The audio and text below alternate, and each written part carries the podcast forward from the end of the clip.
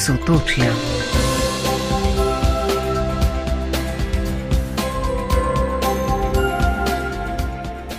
Dober večer, lepo pozdravljeni vsi, ki ste se odločili za družbo rojakin in rojakov iz sosednjih držav.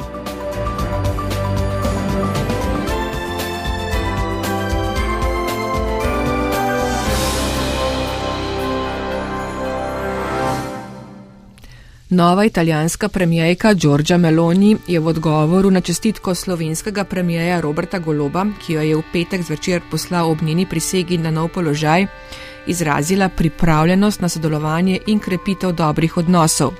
Kaj to dejansko pomeni in ali je nova italijanska premijejka dejansko postala bolj naklonjena slovenski manjšini v Italiji, o tem več čez teden dni. Nocoj se bomo za nekaj minut ustavili v kanalski dolini, kjer je bilo včeraj še posebej slovesno. Slovensko kulturno središče Planika je namreč praznovalo 25 let neprekinjenega delovanja. Država Koroška je potegnila črto pod niz umetniških projektov Karintija 2020 ob stoti obletnici plebiscita. Zaradi pandemije je večina preditev potekala lani in letos. Uspešno so izvedli 81 umetniških projektov oziroma 341 dogodkov, ki si jih je ogledalo 180 tisoč ljudi. Več kot polovico teh dogodkov so pripravila slovenska kulturna društva. Sicer pa morajo koroški slovenci še vedno pojasnjevati, kaj se je dejansko zgodilo leta 1920 in opozarjati na posledice plebiscita. To je na lastni koži občutil tudi dr. Daniel Vuti, profesor na visoki pedagoški šoli in raziskovalec kulture spominjanja. Pred njegovo hišo, v kateri je bilo v času 10. oktober 1920 volišče, je mestna občina Borovlje nekaj dni pred 102. obletnico plebiscita postavila novo spominsko tablo s poročilom, da so v hiši odločali o svobodi Koroške. Zastarelo vsebino je, kot pravi, pojasnil dodatno tablo na ograji, na kateri med drugim piše, da ima država Koroška še danes vidne težave s svojo preteklostjo. Podrobnosti sledijo. V slovenski čitalnici v Gracu so predstavili monografijo o spreminjanju koroške slovenske literature. Sodobni koroški slovenski literati so večjezični in nadregionalni, boste slišali. Kaj pa si obeta porabska slovenka Jolika Sabo, nova moč Radija Monošter, o tem več v drugem delu oddaje, najprej pa k slovencem na Hrvaškem in njihovim težavam z učitelji slovenskega jezika. Je rešitev kje na vidiku? Sotočja. Pouk slovenščine na Hrvaškem poteka v treh oblikah: kot dopolnilni pouk jezika in kulture v desetih društvih, kot poseben projekt v desetih obmejnih osnovnih šolah Varaždinske županije, ter po modelu C v okviru rednega pouka v sedmih osnovnih šolah, dveh na reki in dveh v Matulih, ter v Klani, Buzetu in Umagu. Pouk po modelu C poteka tudi v treh srednjih šolah in sicer na reki, v Pulju in Varaždinu. Prav ohranitev in razvoj jezika sta v spredju delovanja Zveze slovenskih društv na Hrvaškem. Za izobraževanje učiteljskega kadra je zadnje leta pristojna reška enota Inštituta za narodnostno vprašanje, ki jo vodi dr. Barbara Riman, tudi predsednica krovne organizacije. Letošnje učiteljsko srečanje konec prejšnjega tedna na reki je poleg aktualnega vprašanja pomankanja kadra med drugim prineslo tudi nekatere novosti. Podrobneje Marjana Mirkovič. Srečanje osredotočeno na sicer pohvaljeno sodelovanje s predstavnikoma pristojnih ministrstev obeh držav je obeležilo iskanje odgovora na vprašanje kadrov. Doktorica Barbara Riman. Slovenija skrbi predvsem za učitelje dopolnilnega pouka ter učitelje, ki poučujejo slovenski jezik v Varaždinski županiji ne vključuje v izobraževanje toliko učitelje, ki poučujejo po modelu C. Tudi so včasih pozabljeni od Republike Hrvaške, saj ne obstaja kakšno izpopolnevanje za te učitelje, kot za druge večje manjšine. Kateri so izzivi? Največji izziv je kadar, potem je pridobiti adekvatne učbenike, poiskati sredstva, da bi lahko učence uh, odpeljali na ekskurzijo. Trenutno situacijo in rešitev ne vidim. Ono, kar bi rekla, je, da slovenska skupnost mora zelo previdno načrtovati, zahtevati potem tudi pomoč in z ene in z druge strani. Je pa problem v tem, da rešitev se ne najde čez noč. To je proces, ki traja, da vi evidentirate, usposobite mlado osebo, ki potem bo po petih letih prišla nazaj pod pogojem, da ji slovenska skupnost lahko pomaga in omogoči pridobitev dela. Pristojno hrvaško ministrstvo je vsa leta naklonjeno pobudam za uvedbo pouka po modelu C in pripravljeno reševati vse ovire, pravi vodja področja za izobraževanje v pisavi in jeziku narodnih manjšin Milan Vukelič. Mi imamo jako dobro in kvalitetno soradnjo s samim Savezom slovenskih. Zelo dobro sodelujemo z Zvezo slovenskih društev, s kolegi iz Republike Slovenije in na rednih srečanjih skušamo zagotoviti vsem otrokom čim boljše izobraževanje v njihovem maternem jeziku. Poglavitno je, da se obrnejo na šolo, ki nam bo zatem na Ministrstvo za znanost in izobraževanje poslala prošnjo za soglasje in praviloma se vse rešijo pozitivno. Vsi takvi zahtevi pozitivno rešeni. Učiteljski poklic je za mlade vse manj zanimiv in s pomankanjem se soočajo tudi v Sloveniji. Predstavnik slovenskega ministrstva za izobraževanje, znanost in šport Roman Gruden. Tudi marsikdo, ki je diplomiral na ustrezni študijski smeri, se ne odloča za ta poklic, pač pa gre v druge vode. Tudi v Sloveniji se srečujemo s pomankanjem učiteljskega kadra na celi vertikali. Seveda pa je v manjšinskih skupnostih to toliko še bolj izrazito. Torej, ko je recimo razpisan model C, poučevanje slovenskega jezika v okviru hrvaškega šolskega sistema, da je težko dobiti ustrezen kader, ker seveda mora izpolnjevati vse ustrezne pogoje po hrvaški zakonodaji. Če pa pride iz Slovenije, mora pa seveda obvladati tudi hrvaščino na stopni B2 kar je v bistvu maturitetno znanje jezika. Ne. To je pa seveda dodaten problem.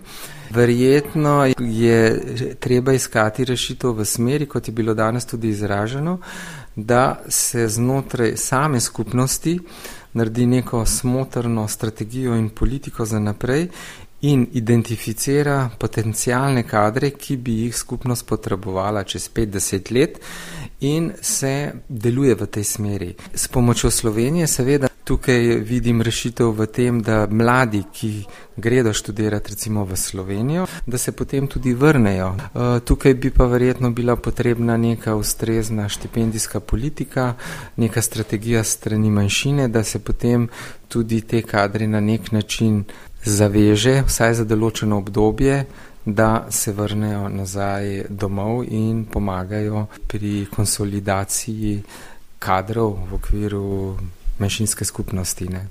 Trenutno je pereče vprašanje na osnovni šoli Milana Langa v Bregani, kjer se je za pouk slovenščine prijavilo več deset učencev. Na razpis se je odzval le študent petega letnika, to da po hrvaški zakonodaji bi zaposlitvijo izgubil status študenta. Lektor slovenščine na Reški filozofski fakulteti dr. Klemen Lah meni, da bi težavo lahko rešili s potujočim učiteljem. Predvsem mislim, da je težava, koliko res vidim v razdrobljenosti teh ur. Torej, učitelj, ki bi prevzel to, bi moral biti na več šolah, kjer je pa ponovadi samo po dve uri ali mogoče kakšne več. Torej, nekdo bi moral, najbrž Republika Slovenija, prevzeti ta del odgovornosti, da bi lahko učitelj imel z manjšim številom ur in torej vožnja, ki jo upravlja med šoli, zagotovljeno polno zaposlitev. Tukaj bo treba najti neko rešitev, ker ta človek se bo moral precej voziti, hkrati bo imel manjše število ur in bo rabo neko specifično financiranje. To bo nek potujoči učitelj in mobilni učitelj in te učitelji potrebujejo neko drugo razumevanje in drugačno financiranje. In če bo to razumljeno, da so tukaj drugačni izzivi, potem mislim, da se bo to uredilo. V iskanje se je vključila tudi lektorica slovenščine na Zagrebski filozofski fakulteti Simona Gotal. Načeloma študent, ki zaključi prvo stopno, torej prva tri leta, naj bi dosegel raven B2. S kolegicami iz katedre smo na LinkedIn-u naredili eno skupino, kjer prav raziskujemo, kje se zaposlijo naši študentje in lahko rečemo, da imajo nekateri zelo dobre položaje tudi na kakšnih jezikovnih šolah ali pa v podjetjih, ki imajo veliko povezav s Slovenijo. Kot sami učitelji, da bi pa postali profesori, učitelji slovenščine na hrvaških šolah. Teh je pa zelo malo, ker pravzaprav po zaključenem študiju slovenščine ne dobijo naziva profesor slovenščine. Tako da potem so tukaj druge omejitve tudi na hrvaški strani, da jih ne zaposlijo.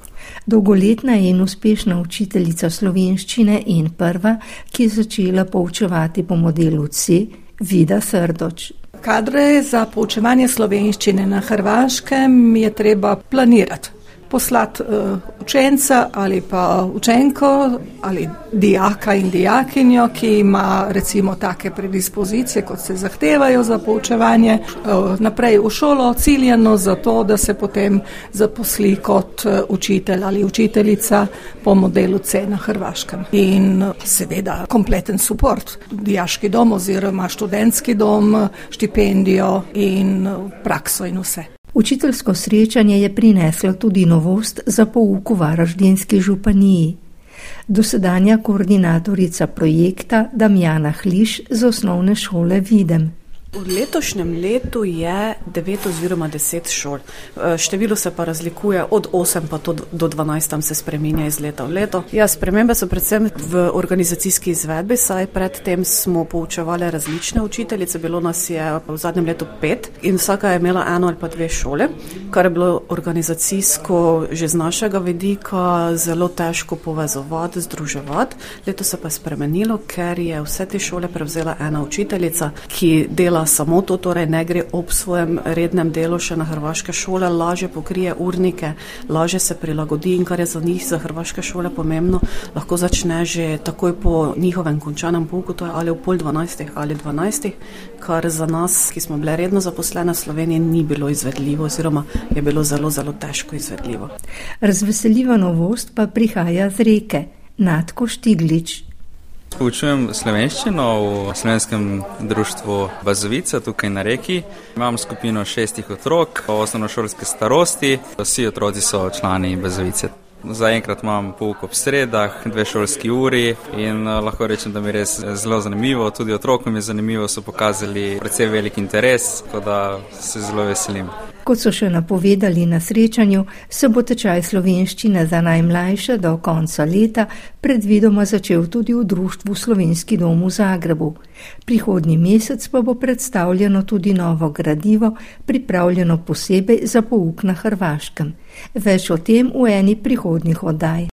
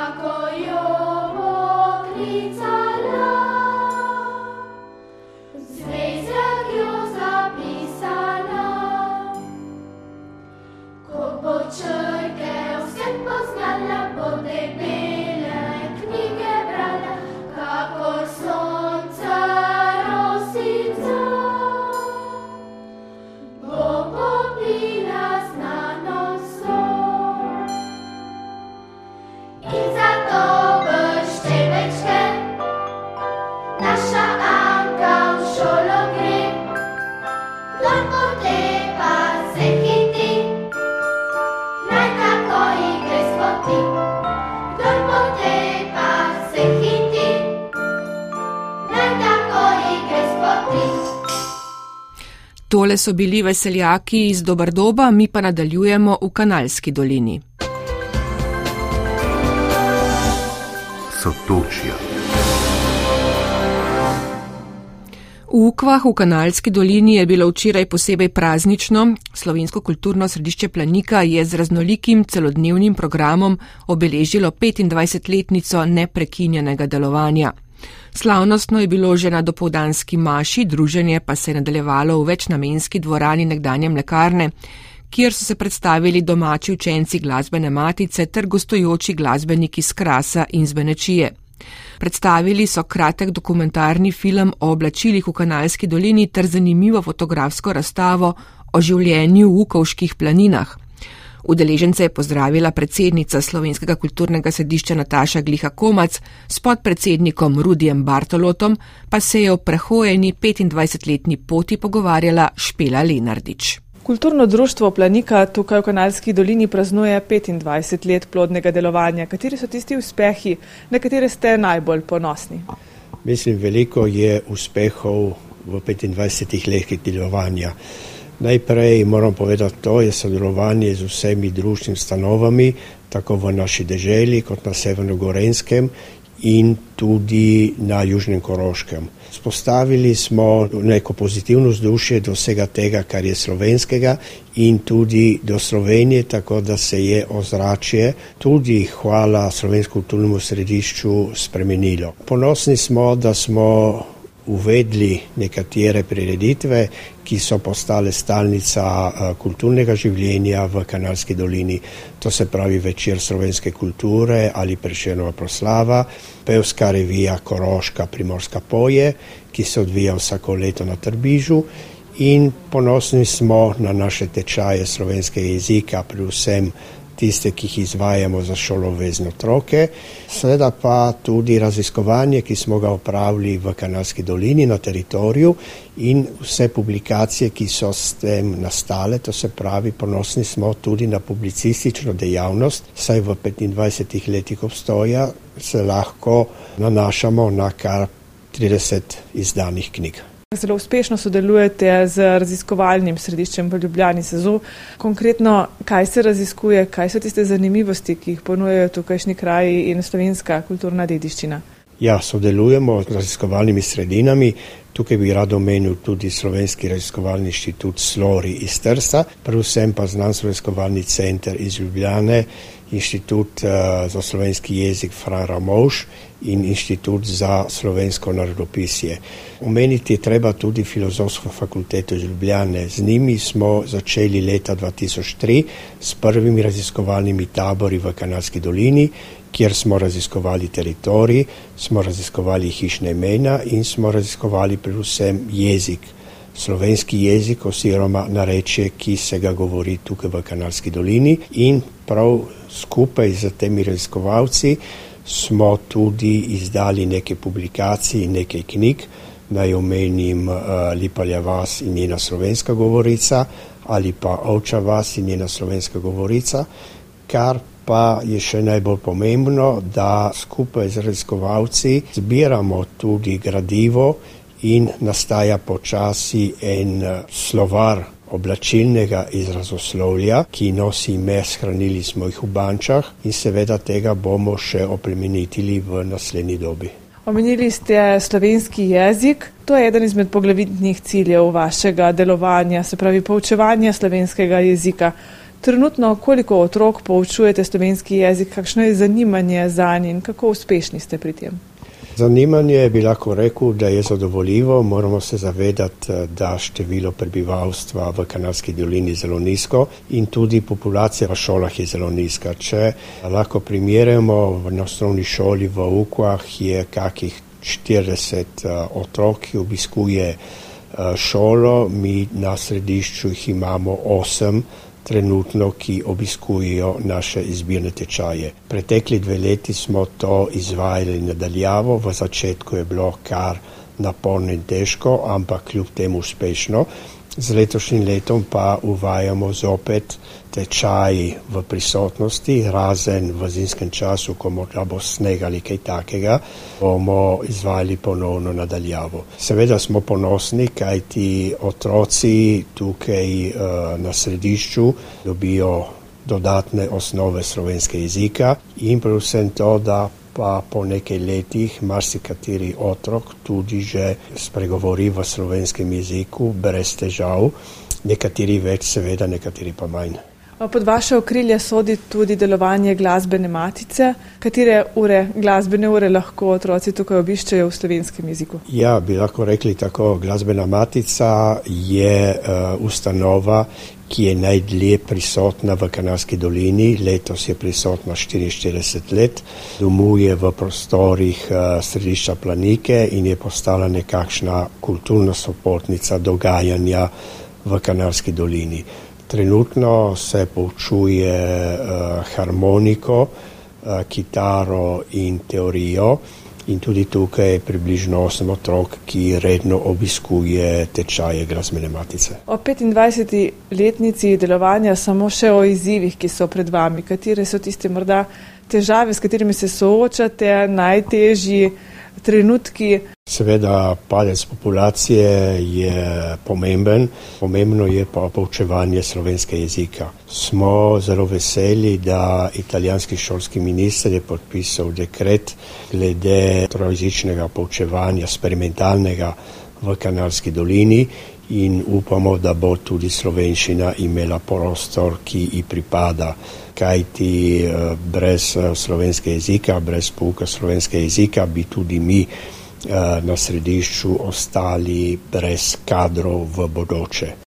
Izzivo je veliko v tem trenutku, seveda celotna situacija je malo negotova, ne vemo, kaj nas čaka v prihodnosti, ampak mi bomo nadaljevali naše delo, naše delo na prirejanju tečaju slovenskega jezika, na kulturnem delovanju in seveda tudi na raziskovalnem področju, morda ne več tisto tradicionalno področje, kot je bilo nekoč, kaj se dogajalo, kaj se govorilo, kaj se delalo, ampak da bi raziskovali, v katere izzive lahko v bodočem se lahko kosamo, kako lahko ohranimo slovenski jezik, kako ohranimo slovensko nareče, oziroma da bi ljudje imeli večji interes v samem učenju slovenskega jezika in tudi slovenskega narečja. Tako podpredsednik Slovenskega kulturnega središča Planika Rudi Bartalot, ki je govoril tudi o pouku slovenščine v tamkajšnjih osnovnih šolah. S prihodnim šolskim letom se bo začel petletni eksperimentalni izobraževalni projekt večjezičnega pouka, poleg italijanščine, še v slovenščini, furlanščini in nemščini. Takšen pouk je sicer kot pilotni projekt potekal zadnje tri leta, vendar so ga spremljale velike kadrovske težave. No več o tem eksperimentalnem večjezičnem pouku pa tudi v eni prihodnjih oddaj.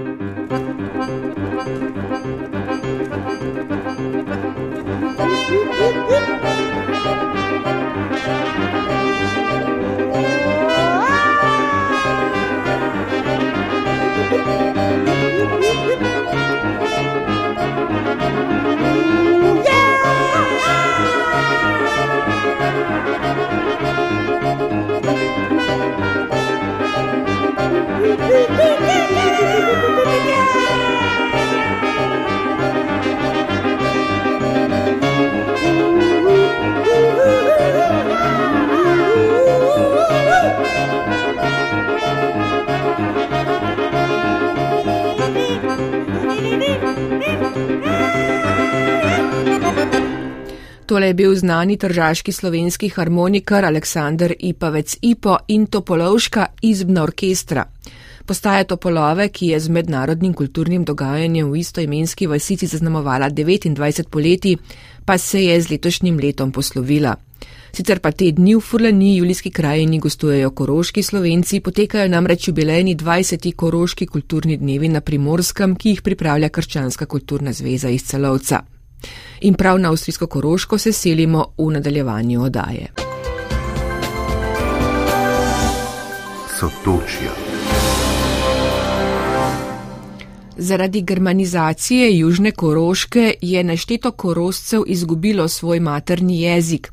Njihovi potomci imajo danes otežkočen dostop do dvo in večjezičnosti. Koroška ima še danes vidne težave s svojo preteklostjo.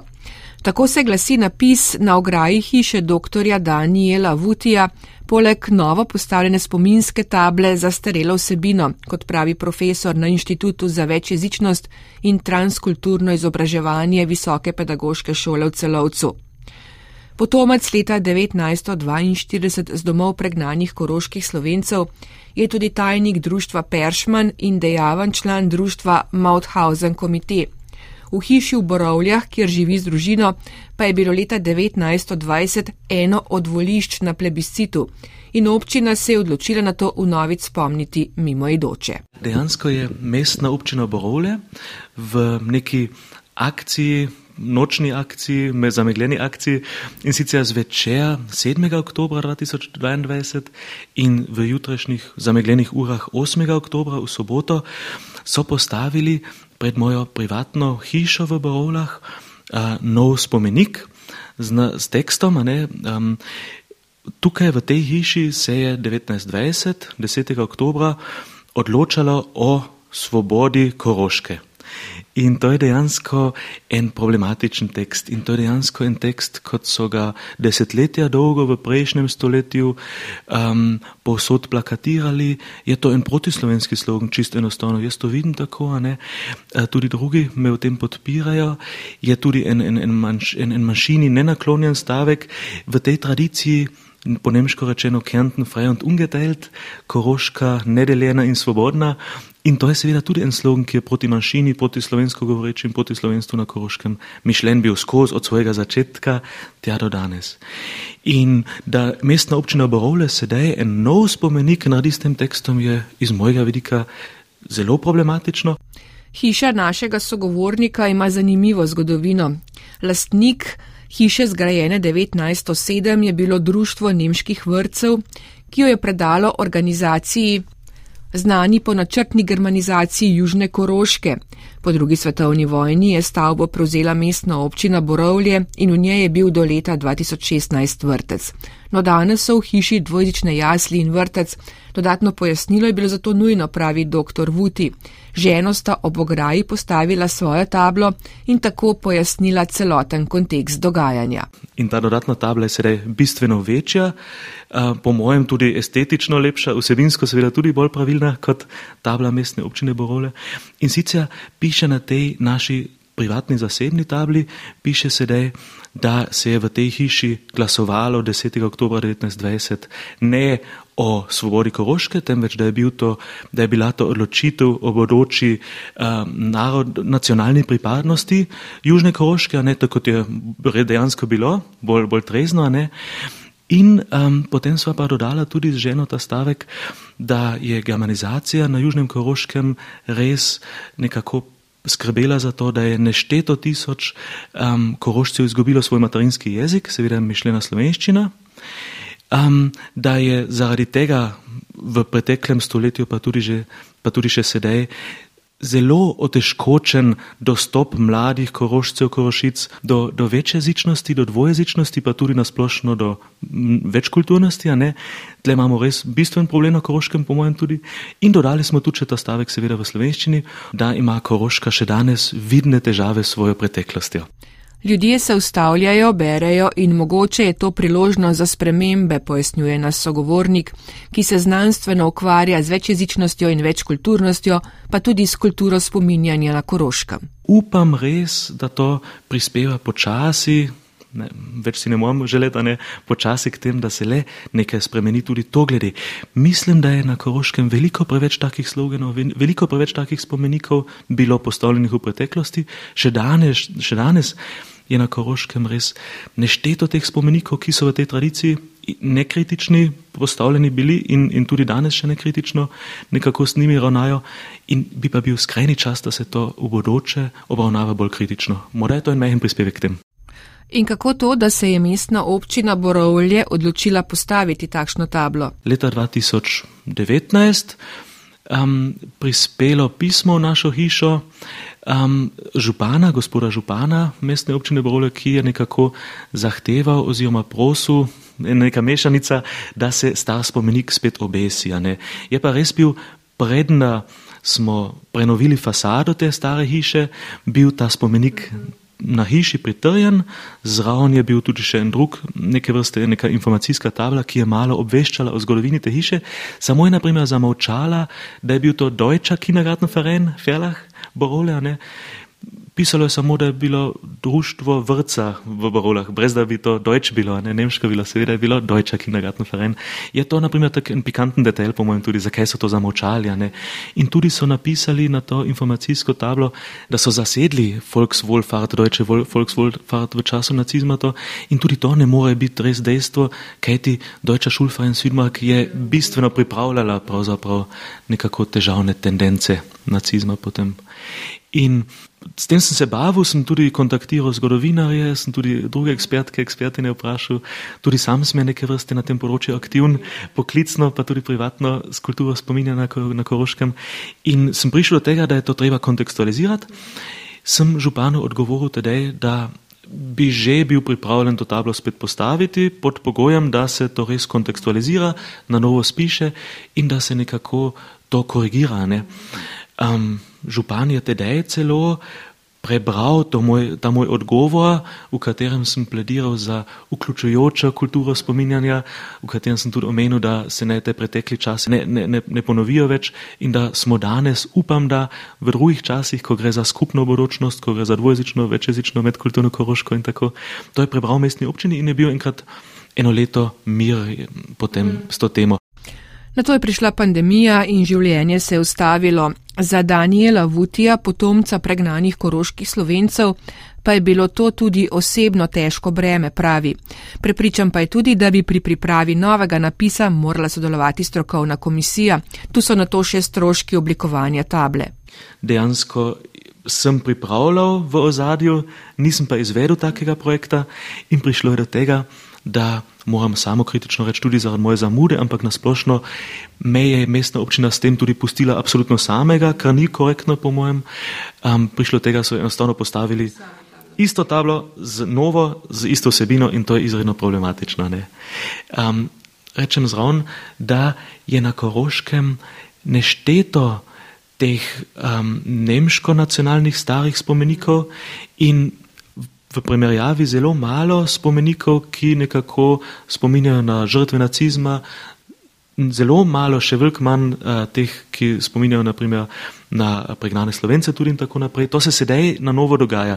In večinoma pa je v preteklosti, do sedaj so to bile privatne zasebne inicijative.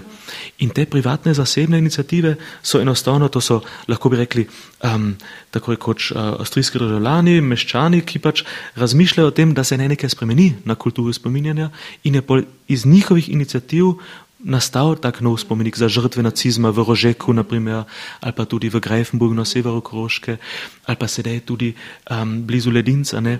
Torej, to je res, so lepe inicijative, so pa privatne. Lokalne in deželne oblasti sicer pomagajo z denarjem, vendar pa same niso pobudnice, kar v 21. stoletju ni dobro. Postavitev table, kot se je zgodilo v Borovljah, pa ni dober signal, še posebej v letu, ko se koroški slovenci spominjajo 80. obletnice pregona in 50. obletnice rušenja dvojezičnih krajevnih tabel. Zame osebno pa je to ena zadeva, ne zdaj, ki jo delam, ker sem koroški slovenc, temveč enostavno, ker sem kritičen državljan te države, te države, te države in bi si to pričakoval od vsakega, pravzaprav vseeno ali je koroški slovenc ali pripadnik večinskega prebivalstva, to ne bi storil vsak nek protest proti taki eh, šovinistični, starodavni kulturi spominjanja. In slučajno sem pač tudi koroški slovenc, ampak seveda mi pa da to, ta fakt tudi do, določeno ozadje. Domnevam, da je večin, večina prebivalstva že tako nekritična glede na take slogane, na take tekste, ker so enostavno posod in jih stalno ponavljajo, perpetuirano. In upam zelo, da bo ta moja akcija prispevala malo k tem, da se praska na tem hegemonu, ne hegemonialni strukturi kulture spominjanja. Za konec pa vendarle spodbudna novica.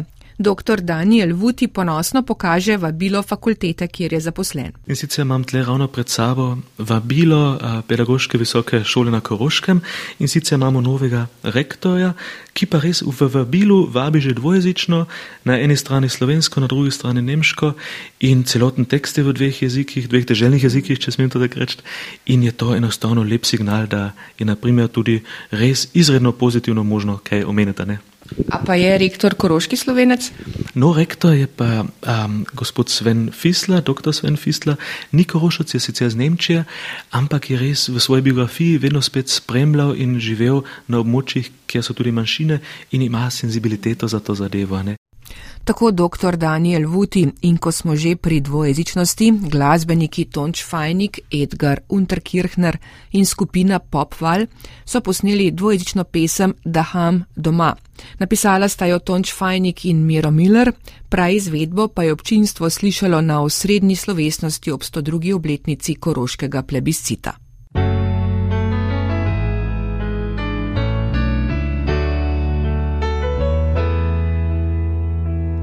Da bin ich her, da wollt was reden nicht schwer, da pflege ich Arme zweimal um, dann bin ich gleich einmal am Meer oder am Berg. Zwischen Barmark und Stüll, da hörst dann jeden, was er singt oder redet, wie er will, ob in der Stadt. Oder am Land am schönsten See, ob im Winter. Auf der Pisten tief im Schnee, das gehört zu uns. Und es kann uns keiner nehmen, unseren Ausblick auf die Welt und die Freiheit, mit der wir leben. Wo sag mal, so gut war, so eures Nichts und genauso stehen wir da. Ein Bild mit vielen Farben drin, weil alles, was bunt ist, macht mehr Sinn. Der Weg, der war nicht immer leicht, doch man gern mal eh noch weit. Mies macht Wir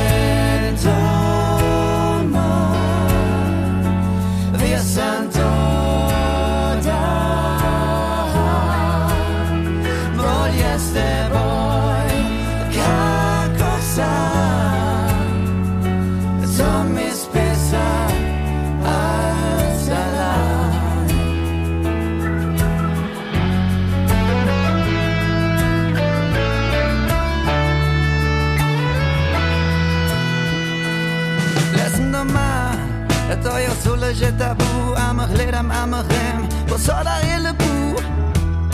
In če si imam raz in let, me spremljaš v vihret.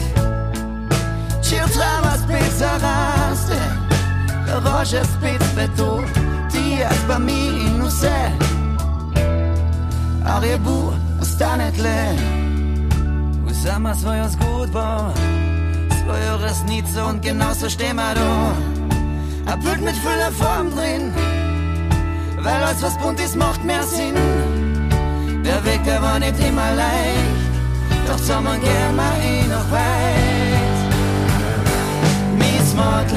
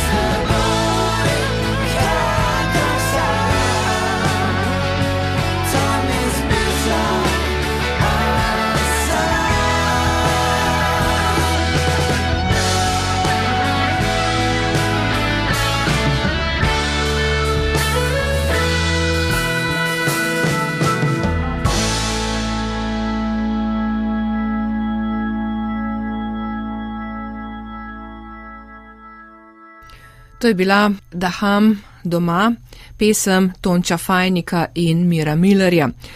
Zdaj pa z celovca v Gradac, kjer so minuli teden v prenovljenih prostorih kluba slovenskih študentk in študentov v novič potekali tradicionalni slovenski dnevi. V treh dneh se je zvrstilo več prireditev od branja predstave do koncerta, vmes pa okrogla miza o slovenščini zunaj manjšinskega območja. V slovenski čitalnici Štajerske deželne knjižnice pa so četrtek štiri literarni raziskovalci Felix Oliver Kohl, Erwin Köstler, Andrej Leban in Dominik Srienc predstavili monografijo o spreminjanju koroške slovenske literature. Prisluhnila jim je tudi Bojana Šrajner Hržanjak.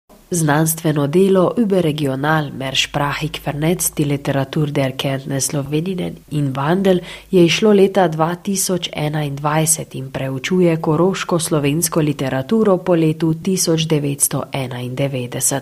Od takrat se je namreč marsikaj spremenilo. Jugoslavija je razpadla, Avstrija in Slovenija sta postali del Evropske unije, Odnos med nemško in slovensko govorečimi korošci pa je doživljal različne vzpone in pace. Tako je za medije povedal eden od štirih avtorjev monografije, avtor in prevajalec Dominik Srijenc. Obenem pa so se za raziskovanje odločili, ker so mnenja, da se je v razvoju slovenske literature na koroškem od zadnje izdane obsežne monografije zgodilo že zelo veliko. Wir haben uns überlegt, wie wir dieses literarische Schaffen, das sich eben nicht mehr nur auf die slowenische Sprache bezieht, Še posebej nas je zanimalo dejstvo, da vedno več koroško-slovenskih avtorjev in avtoric ne piše več samo v slovenskem jeziku, ampak tudi dvojezično ali pa samo v nemškem jeziku. Pri tem smo si tudi postavili vprašanje, kako bi lahko glede na tradicijo, ki smo jo vajeni od koroško-slovenske literature, povezali s tem, da se ta literatura piše v slovenskem jeziku oziroma bi jo pozicionirali drugače, kot je bilo do sedaj vajeno. Und, uh, einen äh, Zugang finden, wo das äh, stärker inklusiv ist.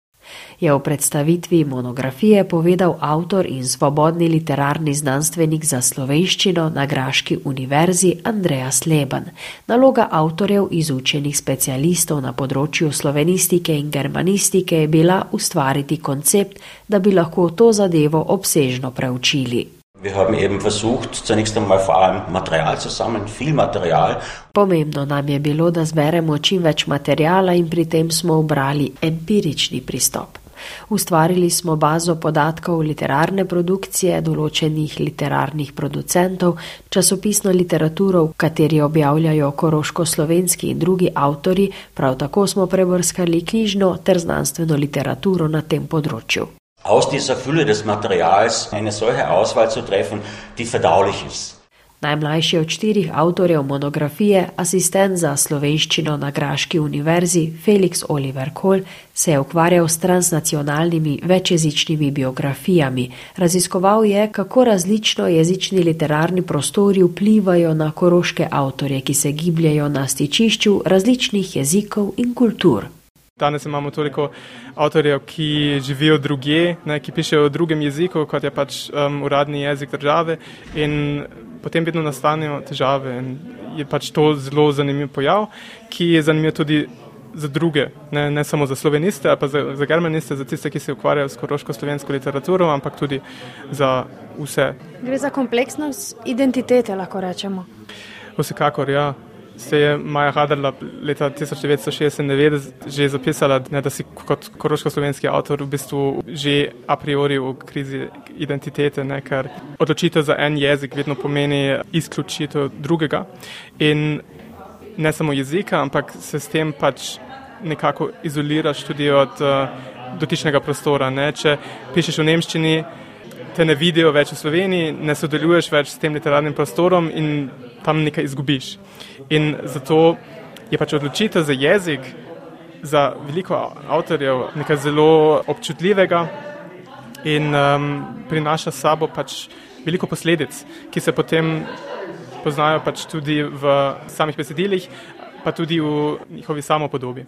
Razlika med starejšimi in mlajšimi avtorji je očitna. Če so starejši bolj posegali po slovenskem jeziku, mlajši pišejo pretežno v nemščini ali dvojezično. Ker včasih je res še veljalo, da koroško-slovenski avtor piše v slovenščini. ker je pač šlo za ohranjanje jezika ne, in uh, s tem tudi koroško-slovenske identitete, predvsem v časih, ko so pač postavili dvojezične table in so jih potem spet podrli. Ne, takrat je pač vprašanje slovenskega jezika bilo zelo politično. Um, se je pa ravno takrat koroška slovenska literatura tudi odpirala za nemški jezik, ne, ker so se zavedali, da s tem pač dosežejo širši krok bravcev. In um, mlajši avtori pač zdaj pišejo dvojezično samo v nemščini, nekateri vseeno še v slovenščini, ampak se s tem ne ukvarjajo več toliko, ne, da bi izdali koroške slovence, ne s tem se ne ukvarjajo več. Rezultati monografije kažejo, da obravnavani avtori pri svoji literaturi uporabljajo to večjezičnost ali pa se ji tudi izognejo. Kljub vsemu se hočejo vključevati v slovensko, kakor tudi v nemško govoreče literarno območje. In to jim delno tudi uspeva. Po besedah Andreja Salebna imamo veliko primerov avtorjev, ki jih lahko uvrstimo v koroško slovensko območje in pišejo izredno samo nemško. Se pa tu in tam pri teh mladih avtorjih pojavi tudi kakšen tekst v slovenskem jeziku. Wenn wir um, uns ansehen, also generationenspezifisch, dann merkt man eben durchaus, dass die ältere Generation stärker dazu tendierte, slowenische Texte zu schreiben. Lahko bi posplošili, da je starejša generacija avtorjev tendirala k temu, da so pisali v slovenskem jeziku in so se z regionalno specifiko želeli močneje vključiti v slovenski literarni svet. Pri Florianu Lipušu je to naprimer tema in jezik, pri katerem se opazi, da pri svoji literaturi ni prestopal državne meje. Omenjajo se kraje okoli železne kaple, remšnik, okoli katerih se vse dogaja. Pri mlajših avtorjih pa opazimo, da na ravni teksta posegajo dlje, še posebej, kar se tiče drugih jezikov. Naprimer, Elena Messner, ki je napisala roman, ki se odvija v Marseju, vendar tu kraj omenja drugače in bi si mislili, da tematsko s koroško slovensko literaturo nima nič. Vendar na koncepcionalni ravni je avtorka, ki piše politično literaturo, literaturo in s tem z drugimi teksti tvori skupno sliko angažiranih političnih avtorjev. Wo das dann wieder mit anderen Texten zusammen eben ein breiteres Bild äh, einer engagierten, auch politisch äh, engagierten Autorin dann ergibt. Tako so v monografiji Überregional Mersprachig Vernetz die Literatur der Kenntnis Sloweninen in Wandel avtori skušali predstaviti aktualno literarno delo koroških slovenskih avtorjev in avtoric vidika literarne večjezičnosti in nadregionalne interakcije. Knjiga obravnava poglavja, kot so večjezično, sodobna literarna praksa, spominska literatura, vprašanje identitete, obravnava pa tudi vse institucije, ki so pomembne za literaturo koroških slovencev. In če se za nekaj trenutkov še vrnemo k slovenskim literatom starejše generacije, sledi namreč pesem Gustava Januša, ki jo je uglasbil in zapel Gabriel Lipuš. Du, du, du, do do wop do do. Do do wop do do wop do do do wop do wop Naš folk je lušten, je lušten in verleten. peva da o me va o tsel sto gorwa wa du wa Nasz wołak jeluże, jeluże, nim letem. Prepiwa odbywa, prepiwa da odbywa, od serca gora. wa dua, dua. Tvoj seksapil, Venera, v narodu živi, Venera, instinkt krepi, ko ovco mori. In žito brez ljubezni zori, intelekt duši, ker duši se zdi, da srce gori, ko Janez vansko lovi. Volk ni folk, volk ni folk, volk ni folk. Volk ni volk, volk kar naprej, volk ni volk, v instinktu mori, volk ni volk, ko naš volk tebe, volk ni volk, venera časti, volk ni volk, in se množi. Volk ni volk, da zemlja je čim. Volk kar naprej, instinkt mori, ko naš volk tebe. Vedela časti. In se množi, da zemlja je čim. Volk ni volk, volk ni volk. Sotočja. V sklepnem delu oddaje se ustavimo še v porabju. V začetku septembra so na radiju Monošter dobili novo sodelovko. Novo pečeno novinarko Joliko Sabo je pred mikrofon povabila Silva Eri. Prve vtisi ne, so dobre, kaj je zanimivo delo. Mislim, kolege so tudi vredi, ampak malo manj strah. Če bomo imeli stranke, to povedano, nekateri bi mu lahko naredila intervjuje. Potrebno je najti sogovornike, porabijo takšne, ki govorijo še domači jezik. Ja, ta še bi trebalo najti, ampak to uh, rabi čas, ko si človek to. Da jih najde, ne? Da jih najde. Ja. Niso vsi tudi pripravljeni govoriti, ena je še vedno strah. Niso vsi pripravljeni, da bi govorili, druga težava je pa, da že vedno manj takih ljudi imamo, kateri govorijo svoje naše narečje. Mladina bolje, če govorite knjižno govori, pa ne uh, porabsko narečje. Poslušalci slišijo, da tudi vi malce mešate, ampak kar dobro tudi že knjižni jezik govorite. Kako ste se ga učili? Knjižni jezik sem se jaz samo učila v osnovni šoli in uh, to, kar imam znanje, je to, kar se sem v šoli učila in kaj se je učila s svojimi otroki, ne, da so oni hodili šolo in so obe študirali v Mariboru in tako malo sem to kontrolirala in se učila ponavljala. No, za hčerki, za Barbaro, pa za Martino Zakoč so poslušalci že slišali, saj smo jo že tudi mi kaj predstavljali. Kot ste rekli, obe sta se v bistvu tudi šolali v Mariboru, v Sloveniji, tako da je potem nekaj znanja prišlo. Čeprav je zanimivo, da ste obe mađarski jezik študirali. Ja, tako, slovenščino, ne, kot uh, slovenski jezik, književnost in uh, jezik in mađarski jezik književnostjo. Kako je zdaj z njima? Povejte malo. Martina, vem, da je službo našla v Prosenjakovcih na dvojezični osnovni šoli. Ja, Martina je službi Prosenjakovci na dvojezični šoli in uh, jaz mislim, za mene je malo žal, da poučuje mačarščino in ne slovenščino, ampak bomo videli, kaj bo, kako se spremeni. Uh, Barbara je pa zdaj na porodništvu, no, manj enega en leto starega vnuka in ona je zdaj z njim doma. Zdaj tega vnuka kaj učite slovensko ali ne? Ja, malo poskusimo, ampak smo ni začetki in potem smo do par mesecev minulo in smo začeli kaj uh, slovensko, ne.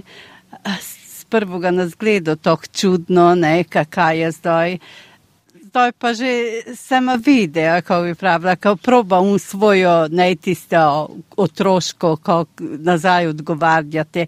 Mislim, da venak ima bolje se videti jezik, kaj je bolje ta še. Ne ta še trdi jezik, ne za mačarsko ga rečem, ka bolje trdi, ka ta še bolje, bolje mehki, oj, ka bolj popevamo, ne vem ko. Kaj potem bolj uporabljate, knjižni jezik ali narečje?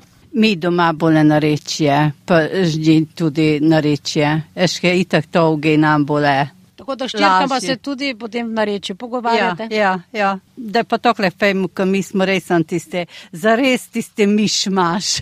mi smo Pravi meša se narečje, knjižni jezik pa mađarski. Ja. Julika Sabo, povejte mi malo, odraščali ste na Gornjem Seniku? Ja, tu sem se narodila na Gornjem Seniku, tu sem odraščala, tu sem hodila v osnovno šolo in eh, zdaj tudi tu živim in kako izgleda, venako do smrti tu živela. Ko ste končali osnovno šolo, ste se potem šolali kje naprej? Da sem končala osnovno šolo, najprej sem monoštro šla v poklicno šolo za talko, potem se odla se spravila maturo, potem se šla knjigovodstvo delati, knjigovodja sem bila v tovarni svile In uh, te sem šla na porodniško, potem sem delala na Gornji seniški šoli, deset let sem bila tajnica in uh, še po tistom pa sem delala monoštri v muzeju August Pavel devet let in zdaj sem zdaj malo v enak tej koronavirus tudi to prinašal, ne, manj obiskovalcev smo bili zaprti in, in to že dolg čas bil meni in nisem tisti tip, ki bi zdaj sem sedela, se si to mislila, zdaj mora nekaj drugo. In je bil izziv ta razpis za novinarko in ste rekli, poskusimo še to. Ja, ja. to je, bilo, je bil ta razpis, um, rajši bi delala razpisi so bili taši tudi kavaruška, otroškom vrci, pa ne vem ko, ampak tisto ni uspelo, te je ostalo za gnok to. No, kot ste rekli, zdaj le po dobrem mesecu dni ugotavljate, da ste se ujeli s sodelavkami, da gre nekako počasi, tudi tehnike se je potrebno navaditi, ne montiranja, tako da tudi s tem nimate težav. S tem nimam težav, mislim, pa oni tudi vedno rečejo kolegi in, in šef, ne, vodja, direktor tudi reče in, in me kaj pohvali, ne, to mi tudi dobro spadne, ampak pravim to eno bojazem, ko imam strah, odkot najdem koga, ni se treba bati ampak se to mora zdaj pa spet naučiti, ne to novo. To tudi treba znati, ker sem že več ne 20, 30 let stara, sem 55 let stara in zdaj nekaj čisto na novo.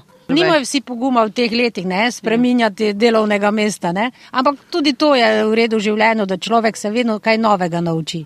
Ja, saj nisem mislila ne, ker še skoraj 8 let imam do penzije in to je še dolgi, dolgi čas za to, ko bi jaz to povedano nič ni delala, ko bi sem tok. Vegetirala veget, v muzeju, ne? Vegetirala v muzeju, tako. Joliki Sabo želimo veliko uspehov pri delu na Radiju Monošter.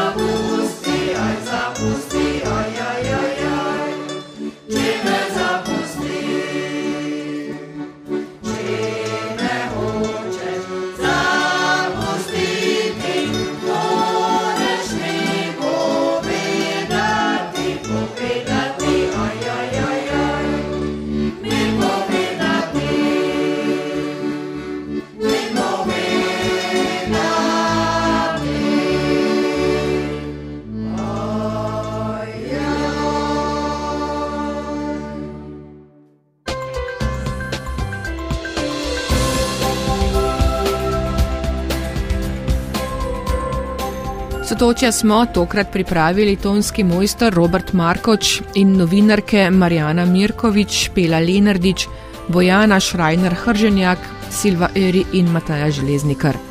Vedno znova nas lahko poslušate na spletni strani prvega programa, kjer med dodajami poiščete Sotočja. Lahko se naročite na podcast ali nas najdete v spletnem arhivu RTV 365. Dovolj pa bo že, če v spletni iskalnik upišete Sotočja Radio Slovenija. Srečno in nasvidenje do prihodnje oddaje. Sotočja.